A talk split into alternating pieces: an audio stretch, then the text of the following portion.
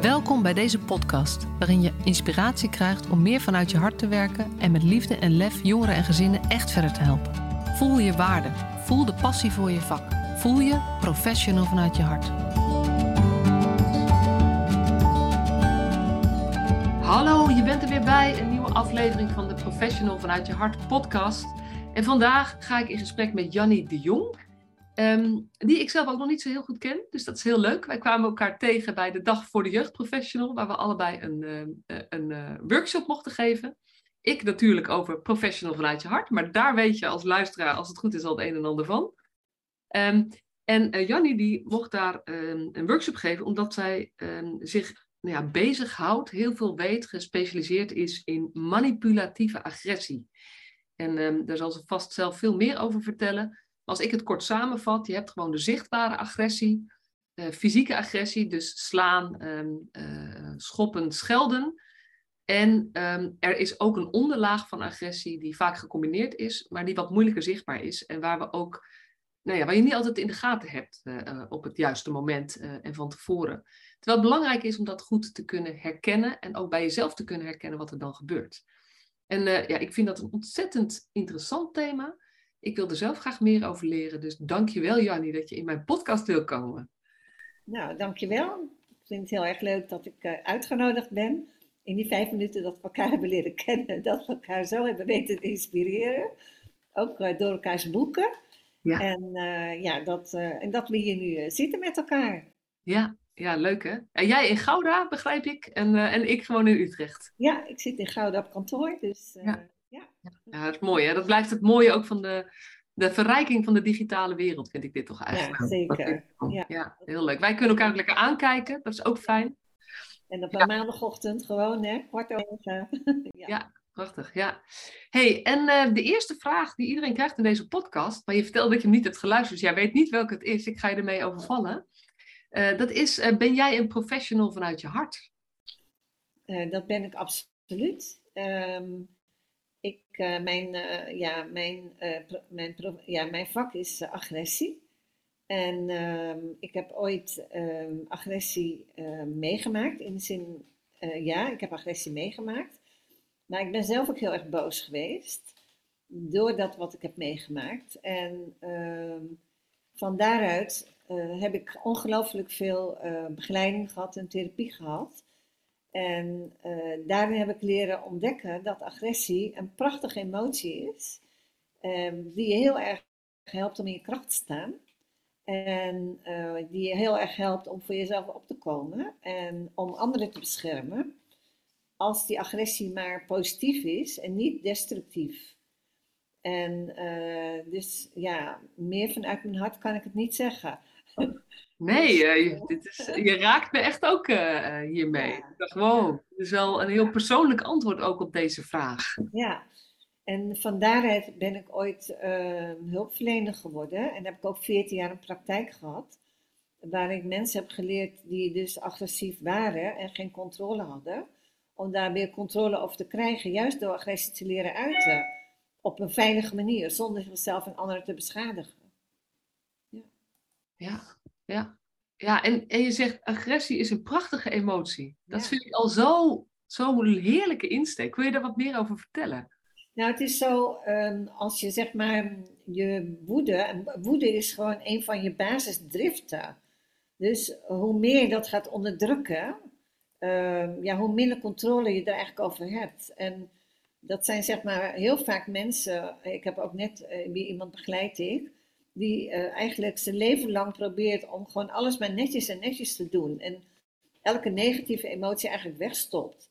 En op een gegeven moment vindt deze persoon zichzelf terug op de motorkap van iemand anders een auto, omdat hij er toevallig niet door kon en de ander niet opzij ging. En dan is het eigenlijk van, ja, hoe, hoe, uh, ja, hoe leer je zeg maar zelf om je agressie zo te uiten en je frustratie en je ongenoegen uh, bijvoorbeeld door sport of hard te lopen of te praten. Het maakt niet uit op welke manier. Maar dat je gewoon geen controle verliest. Ja, maar dat je wel de kracht eigenlijk voelt van agressie. Want die is bedoeld om jezelf te verdedigen en op te komen voor anderen. Het is net als met, uh, met seks en met liefde en uh, met angst en verdriet. Um, ja, agressie is een emotie om onder ogen te zien en juist te erkennen en een plek te geven in je leven. Ja. En voor jou is, is agressie en woede voor jou hetzelfde? Ja, nou, je zou zeggen, kunnen zeggen van agressie is een negatieve term. Maar in feite, uh, als jij agressief kunt worden op het moment dat een ander jouw kind belaagt, is dat een prachtige emotie. Want dan kom jij met je oordrift voor je kind op. Ja. Ja. Kijk, als je met dezelfde agressie iemand anders vermoordt, is, dest is destructie. Ja. Ja.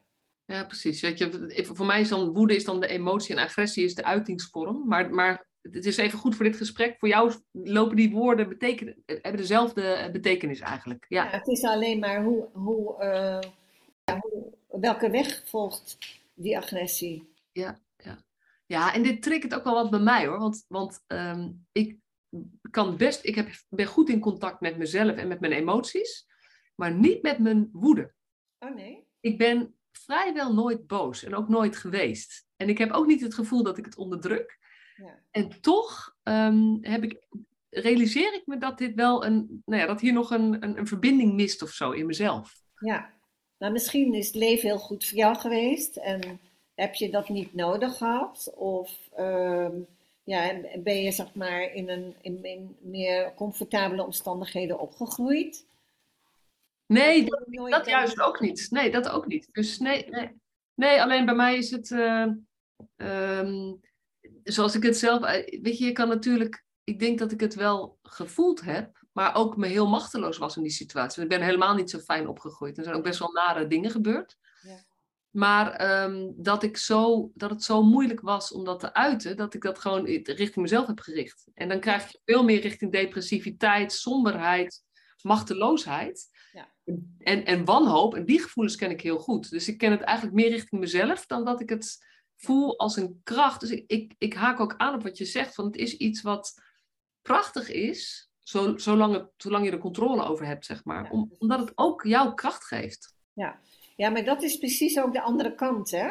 Dus uh, als mensen, zeg maar, hun destructie naar binnen richten, vernietig je jezelf. Ja, ja. Ja, ja precies. En, en dat heb ik wel... Uh, nou ja, er zijn ook allerlei uh, vormen van begeleiding en zelf, uh, zeg maar, uh, zelfcompassie. En ik ben 48 inmiddels, dus daar heb ik veel in geleerd. En ook ja.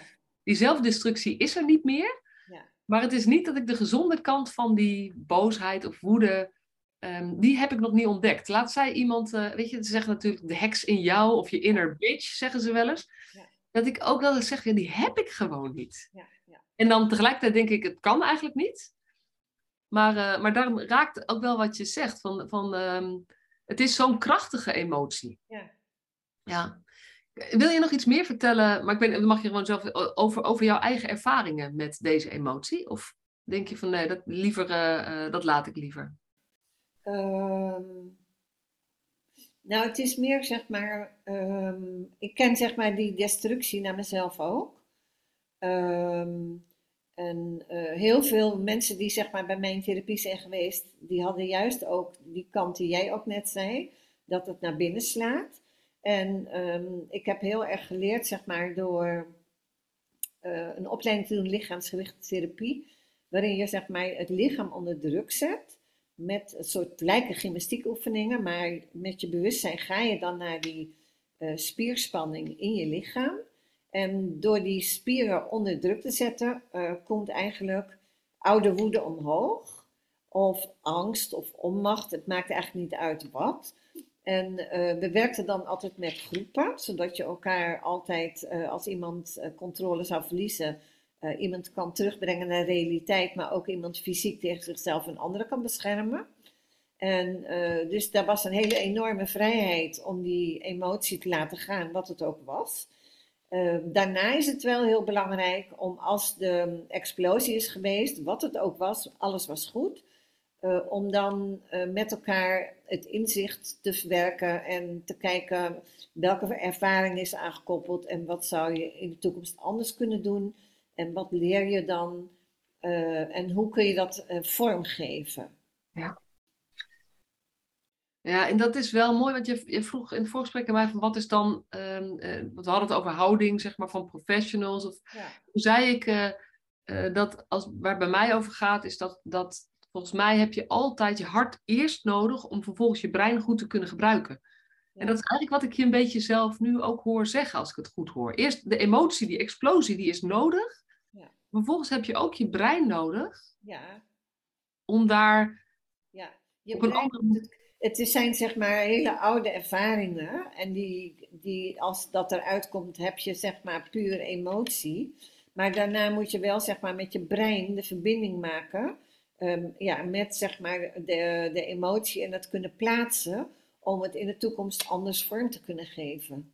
Ja. Met meer zelfliefde of Ja. juist meer eh, power naar buiten. Of Ja. een reguleringsvorm vinden waarin je je em- negatieve, eh, zogenaamde negatieve emoties dan kan uiten. Ja, mooi hoor. hey, en ehm, nou ja, je zegt mijn vak is agressie. Ja, Wat, wat, eh, ik- ja, ik weet bijna niet waar ik moet beginnen, zeg maar. Kan je gewoon ons eens meenemen in, weet je, we hebben al gehad van wat is dan, wat is dan die emotie? Maar er zijn verschillende vormen ook. Je hebt een boek geschreven dat heet Help, ik word gemanipuleerd. Ja. Vind ik al een super interessante eh, titel. ja. Zou je gewoon ons eens een beetje mee kunnen nemen in eh, dit verhaal? ja, er zijn zeg maar drie agressievormen in mijn ogen. De ene is agressie vanuit frustratie en, en emotie. En ehm, ja, dat gebeurt eigenlijk iedereen. Hè? Dus eh, op het moment dat eh, je trein te laat komt en je komt erin en die trein zit te vol, eh, dan heb je eigenlijk al een frustratie te pakken en onderweg regen of thuis ehm, was het een mooi weer en onderweg hè, stap je uit de trein en dan regent het en dan, je hebt je regenpak niet bij je en dan zijn alle huurfietsen op en nou ja, dan heb je al vier dingen te pakken waardoor je denkt van wat een rotdag. Nou, en dat is eigenlijk frustratie. En zolang je dat niet projecteert op iemand anders, is dat gewoon een heel normale emotie. En ook heel belangrijk om die te uiten. En ehm, als dat in de werkzetting gebeurt, dan leren wij medewerkers ook om ehm, de, ja, de frustratie van de ander welkom te heten door te benoemen en begrip te tonen. Ja, precies. Dus ja, ja, ja. Ehm, en deze, deze vorm van agressie ken ik trouwens wel hoor. Dus ik ben er toch wel enigszins mee in verbinding. Dat is ook weer een geruststelling om te horen. Ja, Maar het is wel, wel top dat je zegt, ja, die frustratie is er gewoon. En die moet, ook, moet je ook erkennen en plek geven. ja en uiten. En uiten. Ja. Ja. ja. En je vertelt, en daar hebben we eigenlijk niks over gezegd, maar je vertelt ehm, dat je traint medewerkers ook. En in welke, welke, eh, eh, welke ja, sectoren, zeg maar, heb je het dan over? Ehm, ik train ehm, ehm, medewerkers eigenlijk in alle sectoren. Dus eh, ik train medewerkers die met klanten te maken hebben. Dus dat kan overheid zijn, het kan zorg zijn, het kan een commercieel bedrijf zijn, als ze maar klanten zijn. Ja. Het kunnen buschauffeurs zijn, eh, meteropnemers, winkeliers, Ja. ja, medewerkers in de zorg, jeugdzorg, ehm, de Ja. reclassering, ehm, ja, ambtenaren. Ja. Ja.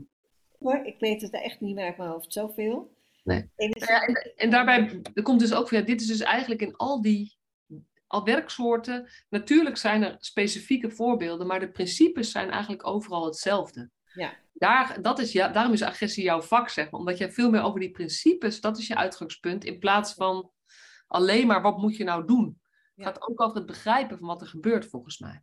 Ja, ehm, het gaat over het. Ja, ehm, maar als ik bijvoorbeeld die drie agressievormen vertel. ehm, hè, dus we, hebben ook manipulatieve agressie, daar heb ik dat boek over geschreven. Hè, Help, ik word gemanipuleerd. Dat is de meest herkende vorm van agressie voor medewerkers. En dat is ook waarom ik erin gespecialiseerd ben. Dus ehm 25 jaar geleden begon ik met trainingen. En eh, je merkte dan misschien werd er één keer per jaar geslagen, eh één keer per maand eh, werd er bedreigd en gescholden, geschreeuwd of weet ik wat. En manipulatie, dus echt neerbuigend en kleinerend gedrag van, goh meisje, weet je wel precies hoe die regeling in elkaar zit? Of, goh, ben je nieuw hier? Geef mij die andere medewerker toch maar. Of ja, ik, ik hoor nu wat je zegt, maar ik heb een afspraak met je baas, kun je het even regelen? Hè, dus dat soort minimale kleine opmerkingen, daar hadden medewerkers gewoon het meest last van. En dat is totaal niet spectaculair, maar het is wel zeg maar ehm, die gemene opmerkingen waardoor medewerkers aan zichzelf gaan twijfelen en denken van doe ik het wel goed en nog harder gaan rennen voor de cliënt. Eh, of ehm, dat ze ook diezelfde opmerkingen terug gaan maken en er wordt een klacht over ze ingediend. En eh, dat is eigenlijk echt, ja, dat komt gewoon het meest voor. En waar ik ook kom met mijn trainingen, dit is altijd de topic. En het is helemaal niet spectaculair, maar het gebeurt echt elke dag. En het- daarmee is het ook heel ernstig en ondermijnend. Ja. Want dat is de tweede vorm van agressie. We gaan- hier zo meteen dieper op in. En de derde vorm is dan de. Snelde dreigen, beledigen, intimideren, seksuele intimidatie en discriminatie. En dat is echt, zeg maar, eh, de strafbare vorm van agressie. En daar is ontzettend veel aandacht voor. Ja, die precies. is er al. Hè? Dus daar, daar is zo ontzettend veel aandacht voor.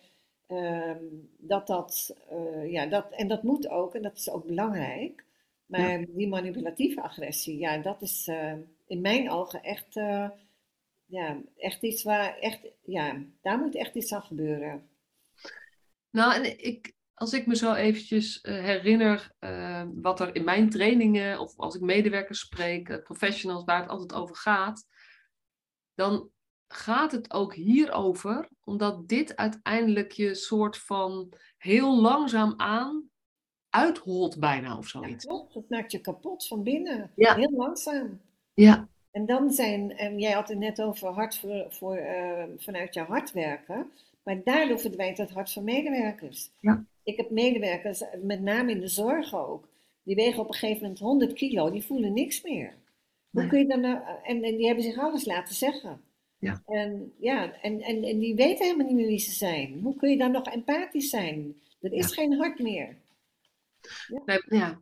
Ja, en dat is eigenlijk precies waarom ik dat boek ben gaan schrijven. En omdat ik denk, ja, dit is wat er misgaat. Ja, Mensen raken het contact met zichzelf kwijt. ja, En daarmee ben je jezelf een soort van kwijt. En kan je geen goede hulpverlener of dienstverlener meer zijn. exact.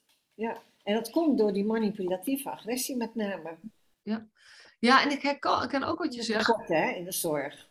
Dus altijd meer moeten leveren dan je kunt. En Ja. altijd, eh, het is nooit goed. En er, Ja. er is altijd onderbezetting. Ja. En je kan eigenlijk niet weigeren eh, als je een dienst moet draaien, want dan heb je je collega's. Ehm, dus dat, dat is dat is ook echt een factor. Ja, en, ehm, en ook, ja, het hoort er toch bij. Weet je, ik, ik vind dat je begrip moet hebben voor het verhaal van de ander. Ja. Dat je daar altijd naar op zoek moet gaan. Maar je moet wel eerst voor jezelf zorgen. En dan, Ja.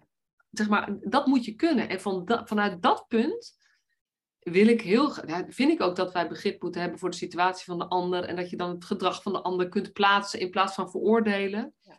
Maar het vraagt wel, zeg maar, zelfbewustzijn. Ja, ja, en dat is zeg maar wat we heel erg doen met die ook witte hè, van manipulatieve agressie. Dat de medewerkers heel erg bewust maken van wat is jouw behoefte en waar zit je ergens en wat doet het met je. En Ja. hoe kun je zelf, hoe kun je de woorden vinden om dit te benoemen en te begrenzen. Ja, ja. Want je zegt witte borden agressie. Ja, En eh, die vind, term vind ik zelf wel leuk. Maar je zei, ja, dat herkent toch ook weer niet iedereen. En bovendien is dat een beetje kantoortaal. Hè? Want als we in de zorg kijken, ik denk, ik denk persoonlijk dat de meeste van mijn luisteraars eh, eh, eh, in de zorg, jeugdzorg of andere vormen van zorg werken. Of, of bij het sociaal domein of bij het onderwijs. Ja. Ehm, maar waar het eigenlijk over gaat, is dat het dus niet zichtbaar is, maar dat het zo onder de huid zit. ja, onder de huid. Ja, ja, ja.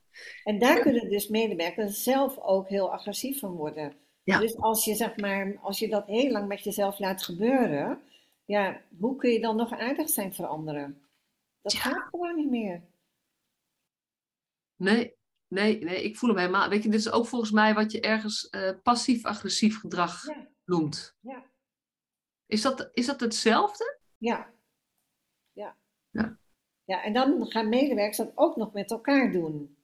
Dus dan is het niet alleen, zeg maar, in de zorg is het heel vaak het, niet het gedrag van de dementerende oudere die dit heeft, maar de mantelzorger.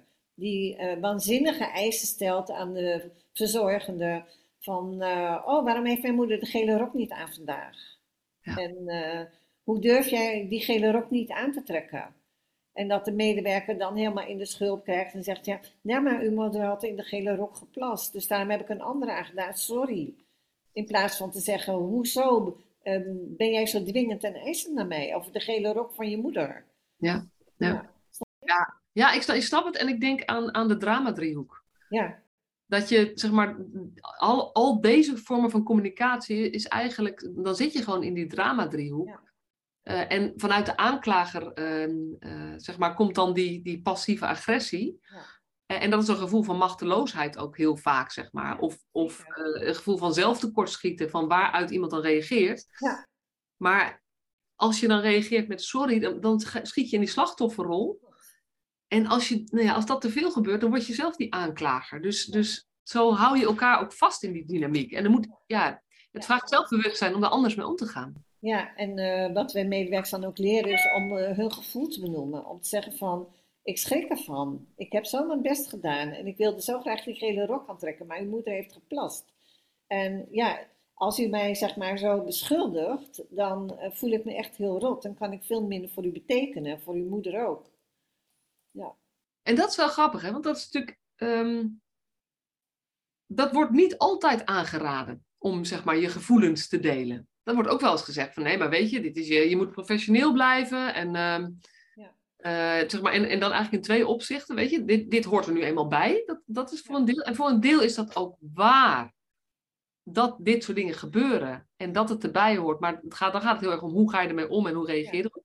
Maar het andere is ook dat gezegd wordt van ja, maar weet je, dat jij je hierdoor gekwetst voelt, ja, dat, daar heeft de, heeft de ander niks aan. Dus dat, dat moet je maar voor jezelf houden en in intuïtie bespreken. Ja, nou, wij zeggen dan, uh, doe een keusmodel naar de ander. Want uh, we hadden het even vooraf in de gesprekken over narcisme. En uh, de mensen die dit gedrag vertonen, die, dat gedrag wordt beloond. Dat neerbuigende gedrag. En als je dat gedrag beloont, wordt het meer. En als je een grens stelt, zijn deze mensen super rationeel. En als ze weten dat ze het niet met dwingend eisend gedrag voor elkaar kunnen krijgen, zullen ze zich gewoon aanpassen. Dus als die medewerker zou zeggen, als u nog een keer zo uh, ja, dwingend en eisend bent over die gele rok, uh, dan, uh, hè, dat is ik, net zei ik even de zachte versie, maar de harde versie is van, ehm, dan beëindig ik nu het gesprek en dan ga ik, me, ga ik verder met mijn werk voor andere cliënten. Ja. En als ja. u daarmee stopt met mij te beschuldigen, dan verdiep ik me heel graag in hoe we de gele rok voor uw moeder de volgende keer wel aan kunnen trekken. Ja. Of samen een oplossing kunnen vinden. Ja, ja want, want ik snap wat je bedoelt. Maar hier zit natuurlijk ook zelfmanagement in voor de professional. Weet je, moet je realiseren, hey, dit, dit is niet oké wat er gebeurt, ik moet het begrenzen. Maar je moet het niet begrenzen door terug passief-agressief te zijn. En zoals je het zegt, het, het luistert wel nauw.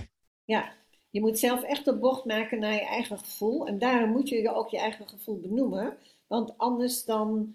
Uh, het is sowieso een paradox om dat te doen. Hè? Dus dat is heel goed dat je dat opmerkt.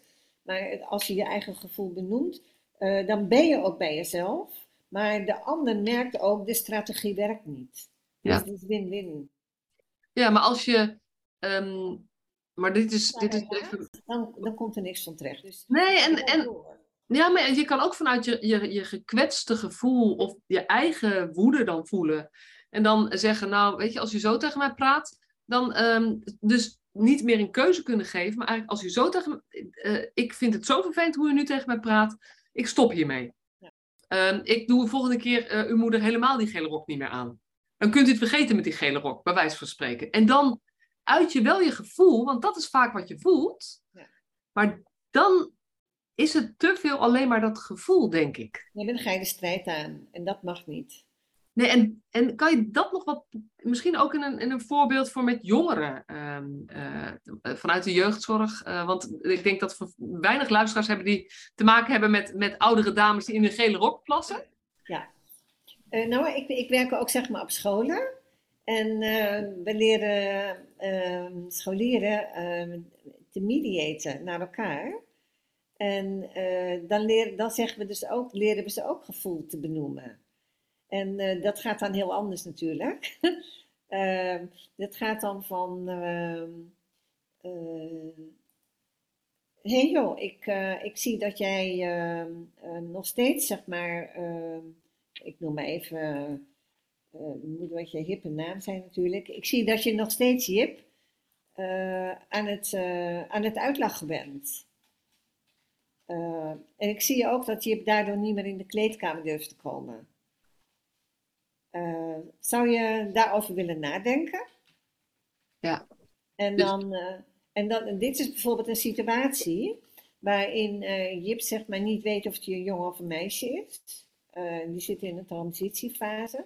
Dan wordt de hele klas uitgelachen. En de hele klas spreekt elke keer af om het niet meer te doen, maar toch gebeurt het. En nu hebben we dan met elkaar geanalyseerd dat, eh, het is middelbare school, ehm, dat zeg maar een klein groepje jongens van vier, ehm, dat toch elke keer weer in gang zet. Dus eh, nu, hebben, nu gaan zeg maar de, de medeleerlingen die de mediators zijn, gaan eh, de leider van het groepje van vier aanspreken. Oké. Ja. Ja, ja. En, en richting docenten bijvoorbeeld, of groeps, groepswerkers, of weet Ja, je, ook, ja. ook wijkteammedewerkers die te maken krijgen met hoge, eh, nou ja, hoge eisenstellende ouders bijvoorbeeld. Dan is het ook super belangrijk bij, hoog, ehm, ehm, bij eisenstellende ouders om te zeggen: eh, ik, wil, eh, ik hoor u zeggen ehm, dat. eh, wil je middelbare school of lagere school? Maakt niet uit. Ik hoor je zeggen dat eh, ja, u niet tevreden bent over de prestaties van uw zoon. De manier waarop u het zegt, eh, komt op mij heel dwingend en eisend over. Als u die e- dwingende en eisende toon wilt laten, praat ik heel graag met u verder over uw zoon. Ja. Ja. ja, ja. En als het, als het echt. ehm, want dus, ja, je je kunt natuurlijk, het is lastig als het om voorbeelden te bedenken, omdat er ook zoveel zijn. Ja, Maar ik, weet je, vanuit, vanuit de jeugdzorg, wat ik, wat ik heel veel weet, waarin dit, dit patroon zo'n hele grote rol speelt, zijn met die ingewikkelde scheidingen. ja, Waarbij ehm, eh, de ene ouder bijvoorbeeld vindt dat de, de hulpverlener eh, niet ziet hoe slecht de andere ouder is. oh ja, En zich zoveel zorgen maakt over dat kind. Maar dat, en die zorgen zijn oprecht. Dus, Ja. dus, dus er zit ook echt een, een gevoel in van het gaat niet goed met mijn kind, het gaat niet de goede kant op. Maar de manier waarop dat dan gaat, de dynamiek die er dan gebeurt, is bijna niet te hanteren voor zo'n werker. Nee. Dus, dus kan je daar wat over vertellen? Want dan, nou, er vallen ook vaak, vaak termen, ja, hij is gewoon een narcist. Of ehm, eh, kan je daar wat over zeggen, hoe, hoe je daarmee om kunt gaan? Ja, nou ook heel erg zeg maar als hulpverlener bij jezelf blijven. Dus eh, op het moment zeg maar dat je je gedwongen voelt in, eh, in partijdigheid, hè, daar heb je het denk ik ook over. Ja. En eh, dat je dat ook echt benoemt. Van, ehm, ja, u, eh, u heeft het zeg maar nu over de ander als narcist. Eh, ik voel me echt, echt in een hoek gedrongen. Ik ben voor jullie beiden bezig in het belang van het kind. Dus je moet steeds, zeg maar, als mediator ook, of als hulpverlener, je eigen, ja, ehm, je pad vrijmaken om, te kunnen, om er voor beide partijen te kunnen zijn. Ja. En constant ook dat benoemen. En dat ook als ze jou in een hoek drukken, dat je dan niet meer de ruimte hebt om beide te helpen. Omdat ze beide ouders zijn van het kind en beide het belang hebben voor het kind. Ja, en het is wel even goed om hier te noemen dat er ehm, natuurlijk. ehm, eh, dit, het komt heel veel voor en er zijn situaties die hierin ook nog weer wat extremer zijn. En, en waar we eigenlijk als jeugdzorg ook gewoon niet zo goed antwoord op hebben. Dus ik heb het, bedoel hier niet meteen te hebben over alle gespannen situaties. Want je hebt ook eh ouderverstotingsproblematiek. Er is natuurlijk advies waarbij dit niet meer voldoende is. Dus dan is, dat is ook belangrijk. Maar dit gaat ook over gewoon nou ja, de wat mildere, ingewikkelde scheidingen. Ja. Ehm, waarbij het zo belangrijk is, omdat als je meegaat met het patroon, wordt het steeds ingewikkelder. Nee, ik ben ook een relatie- en gezinstherapeut. Dus ik heb ook Ah. jaren eh, mensen begeleid, eh, zeg maar, met scheidingen. Eh, en, en ja, het- eigenlijk weet ik nog zelf heel goed van, zodra ik het hier begon, echt, eh, je kunt het niet zien, maar in mijn borstkas begon te wringen, dan wist ik dat ik in een hoek gezet werd. En als ik die hoek niet ging benoemen, dat ik er ook niet meer uitkwam en dat ik onderdeel werd van het systeem.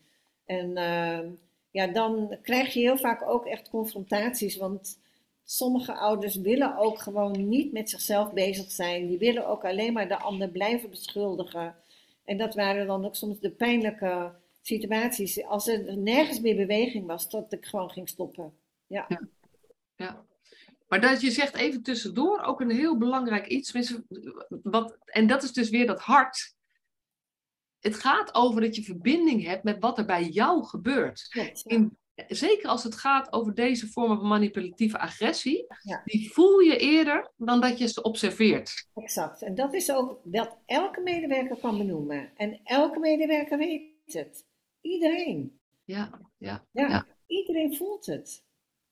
En wat, en, en wat eigenlijk, ja, wat jij zegt is, ja, zodra je dat voelt, heb jij iets te doen. Ja. Gaat het niet over die ander, maar gaat het eigenlijk over, hey, wat gebeurt er nu bij mij en wat staat mij nu te doen? Begrijp ik dat goed? Ja, want als jouw hart inderdaad over het hart in de hoek gaat zitten, dan ben je er niet meer voor de ander. Ja, ja. Ja, precies. Hey, en um, ja, weet je, je hebt een boek geschreven waar meer dan dit in staat. Ja. Um, en je zei al even die drie vormen van agressie. En, en jij, jij kiest voor die manipulatieve agressie. Omdat, weet je, ik herken ook die fysieke agressie of die zichtbare agressie krijgt zoveel meer aandacht. Ja, klopt. Maar hoe, doe je, hoe werk je dit nou uit in een training, zeg maar? Waar, waar heb je het dan over met elkaar? Wat is het belangrijkste? Ja, we hebben zeg maar gewoon, uh, elke training begint met het bewustzijn van wat gebeurt er bij jezelf. Dus als er agressie is bij de ander. En welke fysieke reacties heb je dan? En uh, hoe kun je zeg maar eh, zo snel mogelijk reageren op de ander, op welke manier dan ook, uh, om de agressie bij de ander naar beneden te krijgen? Heel, mag jij even stoppen? Je zegt, zo, hoe kan je zo snel mogelijk reageren? Is dat belangrijk? Ja. ja. Waarom is dat belangrijk? Nou, um, het is zo, zeg maar, primair gezien zijn wij uh, mensen ja, uh, met een heel klein brein. En uh, agressie zit in het dierlijk brein. En dat is veel sterker dan je ratio. En uh, als je zeg maar heel veel ruimte laat geven aan uh, dierlijk brein, dan werken je hersenen niet meer. Dus uh, je, tenminste je denkvermogen. Dus als emotie op 80% zit bij de ander, dan heeft de ander nog maar 20% ratio. Dus als je dat als hulpverlener heel erg laat gaan, um, dan kun je de ander eigenlijk ook niet meer bereiken. Want die hoort je gewoon of ziet je niet meer, want het brein werkt niet. En dat gaat ook over deze vorm van manipulatieve agressie. Die komt uit dat dierlijke brein in plaats van uit, het uit de ratio. Nou, dat is dan precies het omgekeerde. Want bij de manipulatieve agressie is de agressor 100% rationeel. Maar die jaagt jou de agressiepyramide op. En als jij op 80% zit, dan ben je weg. Ja. Ja, precies. Dus, dus... Zo in de war en zo gefrustreerd. En zo angstig of zo. Dus het is belangrijk om, het, om zo snel mogelijk te reageren, om jezelf te kunnen blijven managen. Ja. Want anders ben jij weg en heeft de ander eigenlijk alle controle over de situatie. Ja, en dat is ook precies de insteek van de manipulatieve agressor. Dat, dat is ook precies het succesverhaal. Ja. Raakt de ander in de war, boos. Uh, dus de ander gaat fouten maken, dan valt er een klacht in te dienen, dan kun je rechtszaken aanspannen. Um, in mijn tijd als manager heb ik ook heel veel van die, uh, van die klachten moeten behandelen. Want elke organisatie heeft uh, witte agressies, uh, agressors of manipulatieve agressors. En die hebben ongelooflijk veel succes. Ja. Dus, uh, dus als je dat uit de hand laat lopen, ja, wordt het alleen maar erger. Ja, dit is wel, in, ja, sowieso is het interessant, maar het is dus, het gaat eigenlijk pas in tweede instantie, je moet het begrenzen voor de ander, maar het gaat omdat het voor de ander belangrijk is om te begrenzen. Het is geen gedragsmatige, uh, uiteindelijk wel. Ja. In eerste instantie moet je het begrenzen voor jezelf. Ja, voor jezelf, ja. Ja, ja. En um, wat je zegt is, uh, want de manipulatieve agressor, die doet dit ook om jou in de war te brengen. Is dit altijd zo bewust? Nee hoor. Uh, um, mensen hebben gewoon een bewust en een onbewust script. En dat heeft natuurlijk iedereen. En als jij je hele leven uh, ja, manipulatieve opmerkingen hebt gehoord van je ouders, weet je gewoon niet beter. En het is heel succesvol, dus je kunt er van alles mee bereiken. En het kan compleet in het onbewuste zitten, puur als gewoonte. Um, je kan ook bij het koor gezeten hebben. Nou, dan is manipulatie onderling is gewoon een grote grap. Het is gewoon ook een omgangsvorm. Elkaar een beetje starren en narren. Uh, het verschil is alleen als kooileden dat met elkaar doen, dan weet je dat ook, dat dat een code is. Dus dan is het op zich niet, uh, niet zo schadelijk. Alhoewel ik me afvraag hoeveel mensen daar toch aan onderdoor gaan. Maar uh, dat is een ander verhaal. Um, maar als ik bijvoorbeeld een groep vastgoedmensen begeleid en ik geef ze een cursus witte boordagressie, dan herkennen ze het gewoon niet. Want zeggen ze, ja nee, maar zo zijn wij Jannie. En zeg ik, ja, maar kun je ook voorstellen dat andere mensen dat niet leuk vinden? Nou, dat is dan hard werken zo'n middag, maar dat, dat op, een gegeven, op een gegeven moment klikt dat wel. Maar um, het is, dat is dus puur gewoonte en, uh, en, en, en, een cultuur. En ja. uh, er zijn ook mensen die uh, zo gekwetst zijn en zo um, ja, vernederd zijn, gepest zijn, dat ze besloten hebben om dit nooit meer te laten gebeuren. En die hebben dan een laagje beton, zeg maar, rond hun taille. En uh, daarboven zit een, uh, iemand die altijd de ander naar beneden wil drukken om zelf veilig te zijn. En dan hebben we het zeg maar meer over het narcistisch, narcistisch beeld. Ja, ja. ja ik, ik liet jou net even dat plaatje zien hè, van, uh, uit mijn boek met die, die poppetjes met die twee muurtjes en hart, tot, en hart tot hart en hoofd tot hoofd. Er staan twee muurtjes tussen. Ja. En uh, ik zeg dat die muurtjes die bepalen ook in hoeverre je, je connectie kunt maken. Ja. En dan zeg ik, er zijn gewoon mensen die hebben een driedubbel gewapend betonnen muur staan met glasscherven erop. Ja. En daar prik je eigenlijk tegenaan. Ja. En, en die glasscherven, dat is alleen maar om af te houden, maar dat doet wel jouw pijn. Ja, en daar moet je je bewust van zijn wat er dan gebeurt. En, en als het jou lukt om bij jezelf te blijven en toch, dus ook te begrenzen, weet je, die ga ik, dat is wel, dat heb je ook nodig om bij jezelf te kunnen blijven. Maar vervolgens wel te blijven uitreiken en te zeggen, hé hey joh, ik zie dat jij, zeg maar, ik zie dat je een hele hoop prikkeligheid maar ik ben benieuwd naar je verhaal erachter. Ja. Dat is de enige manier waarop iemand misschien bereid gaat zijn om een baksteentje ertussen uit te halen, zeg ik wel eens. Nou, bij een echte narcist is dat kansloos. Ja. ja.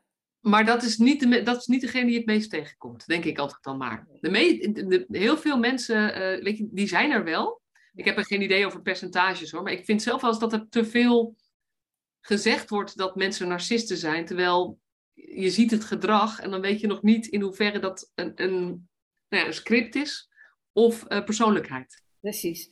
En we leven natuurlijk ook in een hele narcistische maatschappij, waarin het ieder ja. voor zich is. En ja. mensen proberen het gewoon. En ja, ik ben ook zelf, uh, er is er denk ik ook nog geen onderzoek op gedaan, maar ik ben inderdaad heel benieuwd van ja, hoeveel percentage daarvan echt een uh, narcistisch ziektebeeld heeft. Dat is misschien wel heel weinig. Ja, als ik kijk. Ja, zijn die vaak zo charmant dat je het in eerste instantie ook gewoon totaal niet herkent. Nee, nee, precies. Nee. Ik onderbrak je net toen jij iets aan het zeggen was over hoe kan je daar nou mee omgaan. Ik weet niet eens meer precies waar ik bij je onderbrak. Maar belangrijk was om zo snel mogelijk ja. um, uh, te reageren. Ja. Om bij jezelf te kunnen blijven. Zodat je niet in dat dierlijk brein schiet, zeg maar, en, en alle controle kwijtraakt, zeg maar. Want dat vergroot de macht van de ander eigenlijk. Ja, ja, klopt. Ja, ja. En dan weet ik niet bij welk verhaal ik je onderbrak. Dat is echt heel erg. Weet jij dat nog? Nee. het ging eigenlijk over hoe, hoe ga je mensen. Oh ja, wat, wat, hoe neem je mensen mee in trainingen? Dat was het. En toen vertelde je, ik ga eerst. Het gaat ook over bij jezelf dit soort dingen herkennen. Ja. En dan uh, leggen we de agressievormen uit. Hè? Dus die uh, frustratie-agressie en dan die manipulatieve agressie en agressie op persoon grof, die strafbare. En dan uh, uiteindelijk hebben we, altijd, we hebben altijd een acteur bij ons. En dan doen we een rondje herkennen van de agressievormen. En dan kiezen mensen um, welke agressievormen ze willen oefenen individueel met de acteur. En eigenlijk is het dan in elke groep zo dat 60% van de deelnemers willen gewoon die manipulatieve of witte bordagressie oefenen. Omdat ja. ze dat het meest kennen en het moeilijkst vinden. Ja, ja. Nou ja, en, en, dat snap ik ook heel goed. En dat laat mij ook wel nadenken, want um, zeker als het bijvoorbeeld pubers betreft, weet je, die hebben natuurlijk heel veel ook van zulke soort opmerkingen. Die je ook niet allemaal even serieus moet nemen, die je wel moet begrenzen. Maar als je ze hard gaat begrenzen, leidt het ook naar. Dus, dus ik denk gewoon eigenlijk uh, de twijfel wat je hier nu mee moet is heel groot. De handelingsverlegenheid is heel groot bij deze vormen van agressie. Ja, klopt. Ja. Mensen worden onzeker, bang, boos, driftig, uh, klappen dicht. We denken, En in het begin had jij erover van, ehm, wat over agressie die naar binnen slaat of acting out, hè? dus een van de twee. Nou, naar binnen slaan gebeurt heel veel bij uh, wittebordagressie. Of de discussie aangaan. Van hoezo bepaal jij uh, welke rok jouw moeder aan heeft? Ja, ik, ik moest precies aan dat voorbeeld denken. Ja, ja. Ja, ja precies. En, en dan, zit je, dan ben je zelf ook passief-agressief, zeg maar. Ja, dan komt er ook geen eind aan. Nee, nee, nee. nee, nee. want die, die, die witte agressor of manipulatieve agressor is zo bedreven in discussie, dat win, die wint gewoon. Ja, ja.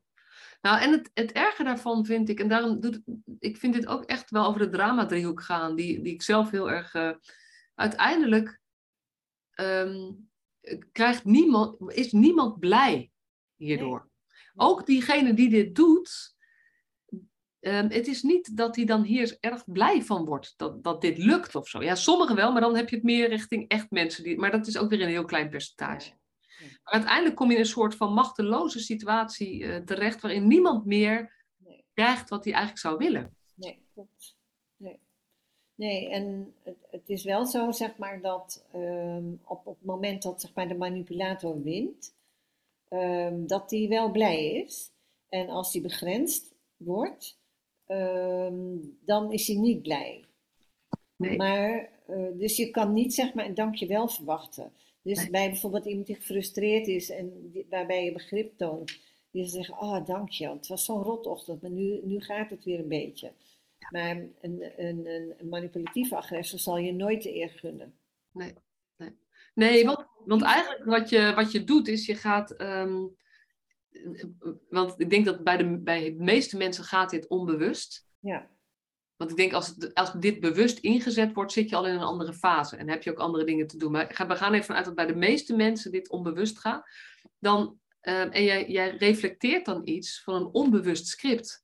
Ja. Dus mensen herkennen dat ook niet bij zichzelf.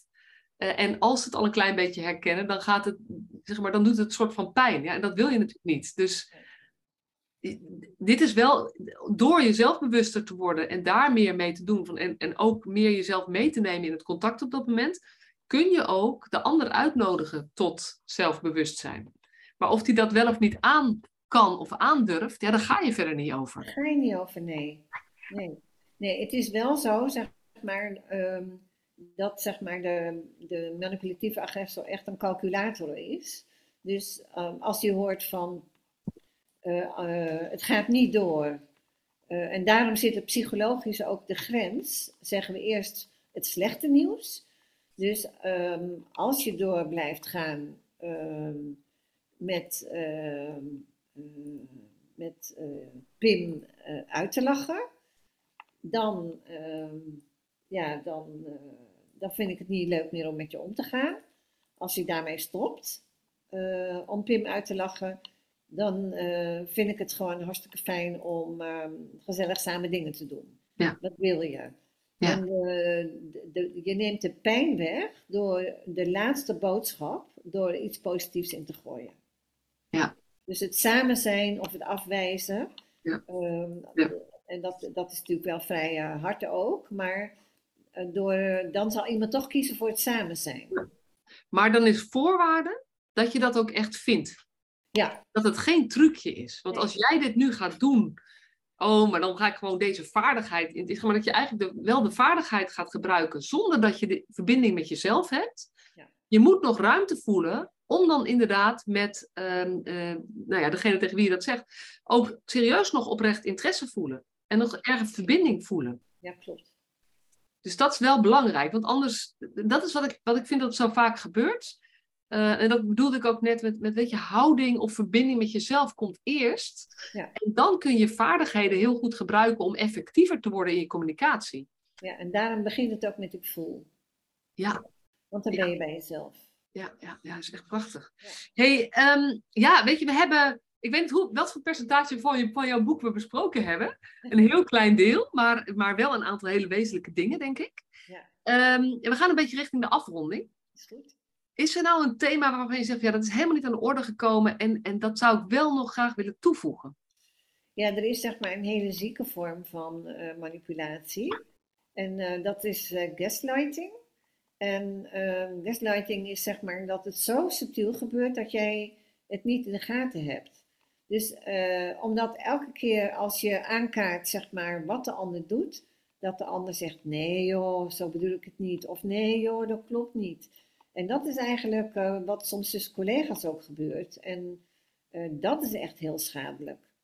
Ja. ja. En heb je daar nog een tip voor om dat dan te het is ook weer zo'n term die je veel langs ziet komen. Ja. Zonder dat het altijd, denk ik, op dat moment ook echt zo is. Heb je nog een tip voor, voor het herkennen daarvan? Of voor het te weten dat je daarmee te maken hebt? Nou, het kan eigenlijk iedereen overkomen. Het is ook ooit ontstaan, zeg maar, daarmee ook gaslighting. Dat een man, eh, zeg maar, bij zijn echtgenote de lamp steeds iets hoger en iets lager draaide. Het was in de tijd 1930 van de gaslampen. En um, dat ze zei, joh, die lamp is iets, iets hoger. Dat zei nee, joh, dat zie je verkeerd. Ja. En um, dat hij de volgende keer zet hij hem weer iets lager. Joh, de lamp is iets lager. Nee, joh. Nee, dat zie je verkeerd. Tot zij gewoon dacht van, nou, ik ben gek.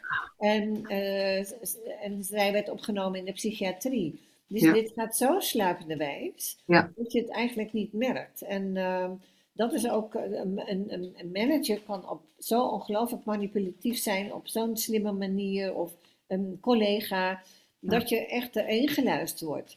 En ja. uh, waar het hierbij gaat, is dat je voldoende zelfvertrouwen hebt om um, uit zo'n situatie te stappen, of om dat toch aan te kaarten. Ja. Maar dat kun je dan niet meer met de persoon die dat doet, want die persoon zal nooit stoppen. Nee. nee, en dan heb je het echt over een ziekelijke vorm van Weet je, of dat dan een narcist is, of, weet je, maar dan heb je het wel ook over persoonlijkheidsproblematiek ja. Bij de ander, zeg maar. Waarbij jij niet meer degene bent die daar invloed op heeft. En dan is zelfzorg, maar dat is sowieso wat ik uit je verhaal begrijp. Het gaat, de, het gaat nooit over de ander, nee. het gaat over jou. Ja. Het gaat over dat jij goed in verbinding bent met wat er in jou gebeurt en dat je op, daar ook op gaat reageren. En dat je meer op, op je eigen thermometer gaat reageren dan dat je reageert op de thermometer of de, de dingen van de ander. Ja, en dat is nou precies zeg maar ook in de zorg, dat zeg maar, uh, en in de hulpverlening, dat al die lieve verzorgenden en al die lieve hulpverleners, ook de jeugdhulpverleners, zo gericht zijn op de ander, dat ze toch heel vaak gewoon hun eigen ja, signalen, die er echt wel zijn, uh, ja. wegschuiven of overslaan. Ja. En, en ja, dat is eigenlijk ja, wat ik mee zou willen geven. Van, ja, luister gewoon eerst naar je eigen intuïtie en je eigen signalen. En je lichaam ligt nooit. Luister echt naar je ongemaksignalen in je lichaam. En ja, weet wat die jou te zeggen hebben. Want daar start het. Ja, ja. Ik uh, wil je heel erg bedanken voor alles wat je met mij gedeeld hebt. En ik hoop dat het voor anderen net zo uh, tot nadenken zet als bij mij, zeg maar. Want dat is ook wel wat er gebeurt. Ik denk, ja, hier zit, er zitten ook parallellen in. Weet je, waar ik het over heb, is goed, want dat heb je ook bevestigd. Dat is belangrijk. Dat is ook wat ik altijd zeg van, uh, als ik die, het plaatje met die twee popjes, zeg ik altijd, we zouden meer aandacht moeten hebben aan ons eigen hart en ons eigen muurtje. Daar zouden we meer tijd aan moeten besteden. Dat zeg jij ook. En je hebt ook wel heel veel weer verteld over wat is die agressie nou en, en hoe venijnig kan dat zijn. En laten we. En dat je dat dus ook sterker moet begrenzen dan ik in ieder geval gewend ben te doen. Dus uh, ik heb een lesje persoonlijke ontwikkeling hier gekregen. Dank je wel daarvoor. Bedankt dat ik hier mocht zitten. En uh, ja, als jullie dus, uh, als je meer wil weten over deze vorm van agressie, Jan heeft een boek geschreven dat heet Help, ik word gemanipuleerd. Verkrijgbaar via, ik denk gewoon algemeen. Ja, geweest bol.com, dus dan kan je het vinden. En uh, nou ja, ze geeft ook trainingen en um, is af en toe uh, spreker op congressen. Uh, en zij deelt heel graag hierover veel meer, want deze vorm van agressie maakt veel te veel kapot. En dat is niet nodig. Dankjewel, Jannie. Dankjewel.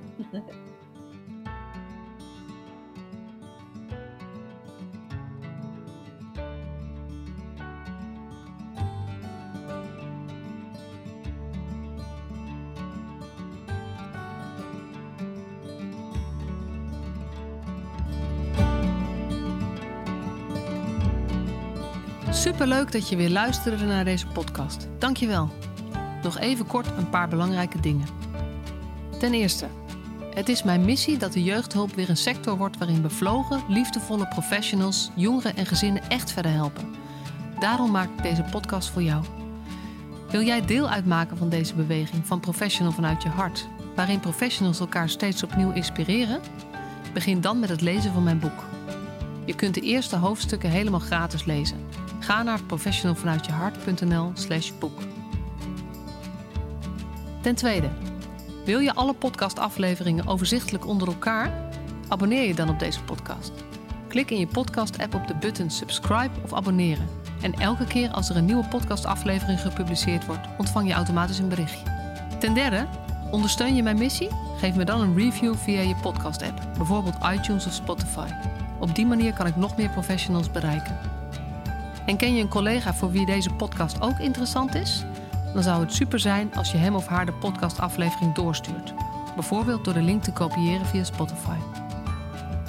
Ik vind het altijd heel leuk om berichtjes te ontvangen van luisteraars om te horen wat je van een podcast vindt, of als je misschien vragen of suggesties hebt. Of als een aflevering je een bepaald inzicht heeft gegeven of er iets in beweging is gekomen. Stuur me dan even een berichtje op masha.professionalvanuitjehart.nl via de website of stuur me een connectieverzoek op LinkedIn.